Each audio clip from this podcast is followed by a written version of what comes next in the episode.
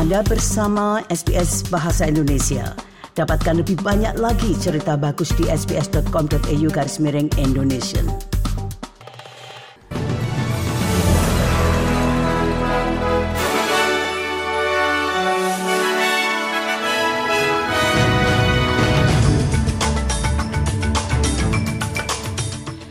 Warta berita SBS Audio untuk hari Senin tanggal 26 Juni. Sari berita penting hari ini, Rusia mengosongkan situs kedutaan baru yang diusulkan setelah pengadilan tinggi melarangnya 110 juta dolar lebih banyak bantuan ke Ukraina dari Australia dan dalam bidang olahraga pelatih baru untuk Newcastle Jets. Berita selengkapnya. Seorang diplomat Rusia telah meninggalkan lokasi kedutaan baru yang diusulkan negaranya di Canberra setelah pengadilan tinggi memutuskan menentang maksud tersebut. Diplomat itu tinggal di sebuah gedung di Yaralamla di pinggiran kota Canberra. Ini karena pejabat Rusia meminta perintah dari pengadilan tinggi terhadap undang-undang yang baru-baru ini disahkan yang mengakhiri sewa Rusia atas situs tersebut yang berada di dekat gedung parlemen federal dengan alasan keamanan nasional.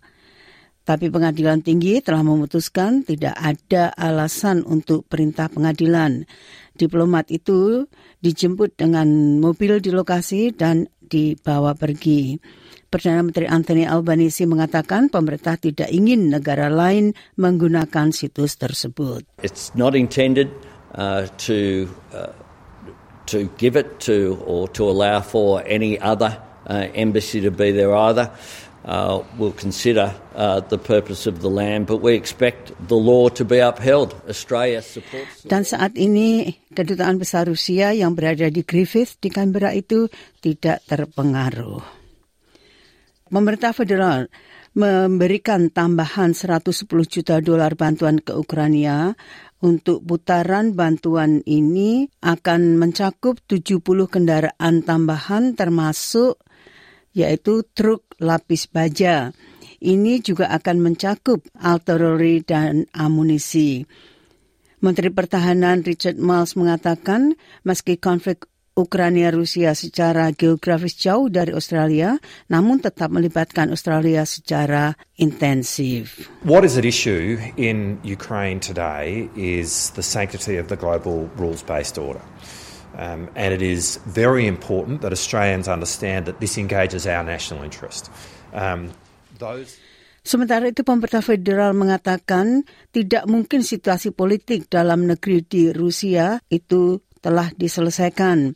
Perdana Menteri Anthony Albanese mengatakan kepada ABC bahwa meskipun upaya kudeta terhadap Presiden Rusia Vladimir Putin telah ditunda atau mungkin dibatalkan, tidak mungkin bagi Putin untuk melupakannya begitu saja dan kembali ke stabilitas seperti biasa.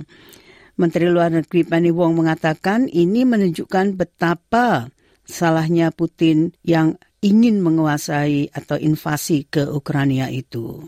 This does demonstrate um, Mr. the divisions in Russia. Uh, it does uh, call into question uh, the the decision which we have all criticised and which we are standing here to oppose today, which was the decision to uh. Wong juga mengatakan bahwa setiap warga Australia yang masih berada di Rusia agar segera meninggalkan negara itu.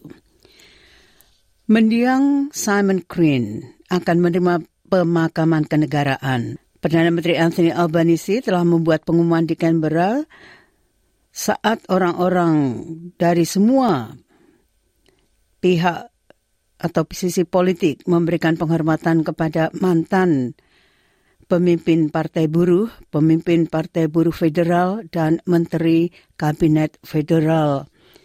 Simon Crane telah meninggal mendadak di Jerman, di mana dia berkunjung sebagai bagian dari delegasi industri.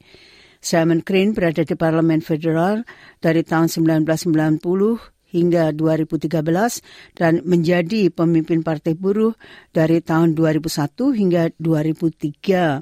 Dia sangat dikenang di negara bagian asalnya yaitu Victoria. Dan dia bekerja untuk, maksud saya, pemakaman itu akan bersifat kenegaraan. He was uh, had a big intellect, um, big heart, compassionate, and um, hard worker. And he was so generous and kind, and those things made him very impactful. When you worked for Simon, you never quite left Simon. You're always welcome his home. Itulah tadi penjelasan Steve Demopoulos, yaitu Menteri Pariwisata Victoria. Simon Green meninggal pada usia 74 tahun. Meningkatnya biaya hidup masih menjadi sorotan. Dengan angka baru dari Anglicare Australia menunjukkan bahwa pekerja dengan upah minimum penuh waktu hanya mendapatkan sisa 57 dolar setelah biaya mingguan yang penting. Studi yang disebut analisis biaya hidup itu menunjukkan perumahan adalah biaya hidup terbesar bagi rumah tangga.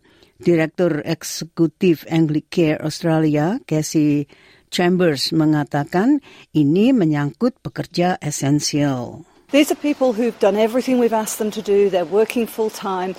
They're in the kind of occupations that actually stood at the forefront when we were in the pandemic. They're real retail workers, they're food delivery workers, they're delivery drivers, they're security workers. Organisasi komunitas yang menyelenggarakan acara untuk mendukung Suara pribumi ke parlemen akan memiliki akses ke dana yang baru diluncurkan untuk membantu menutup biaya.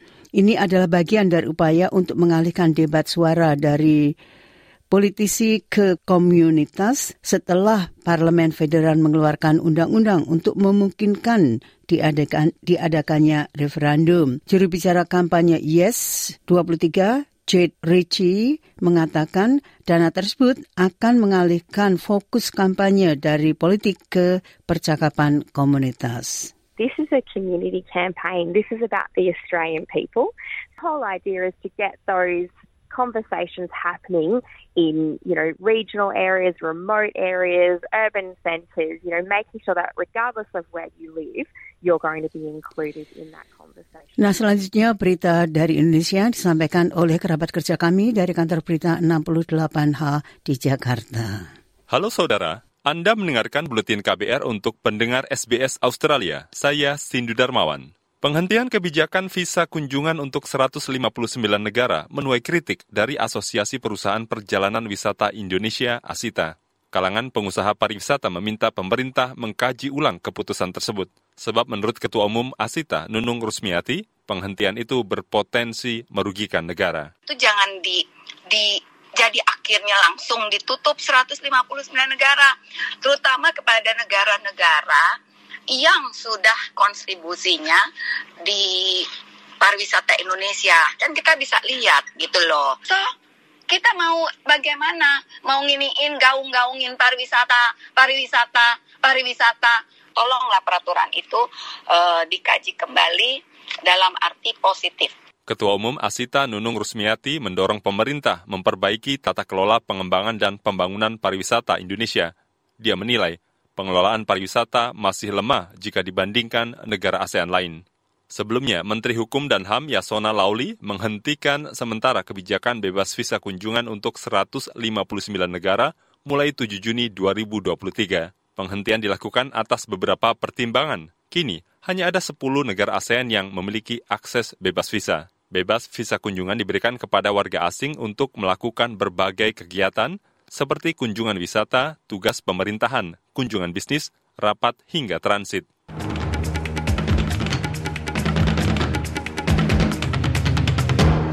Nah, berita olahraga, Rob Stanton akan menjadi pelatih baru Newcastle Jets di kompetisi pria E-League.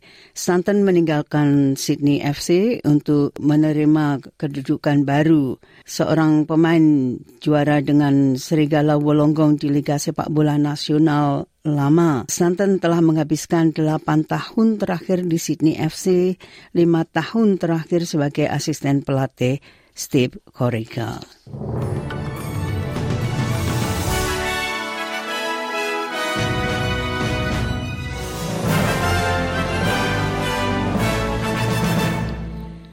Sekali lagi sari berita penting hari ini, Rusia mengosongkan situs kedutaan baru yang diusulkan setelah pengadilan tinggi melarangnya 110 juta dolar lebih banyak bantuan ke Ukraina dari Australia dan dalam bidang olahraga pelatih baru untuk Newcastle Jets.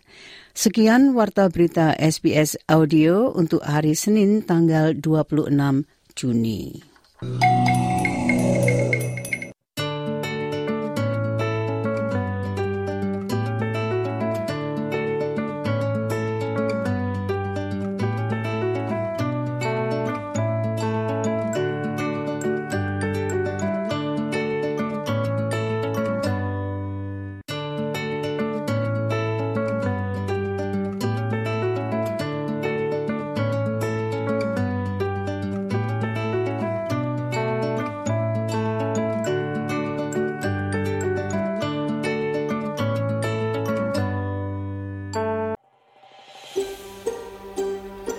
Sukai, berbagi, komentar.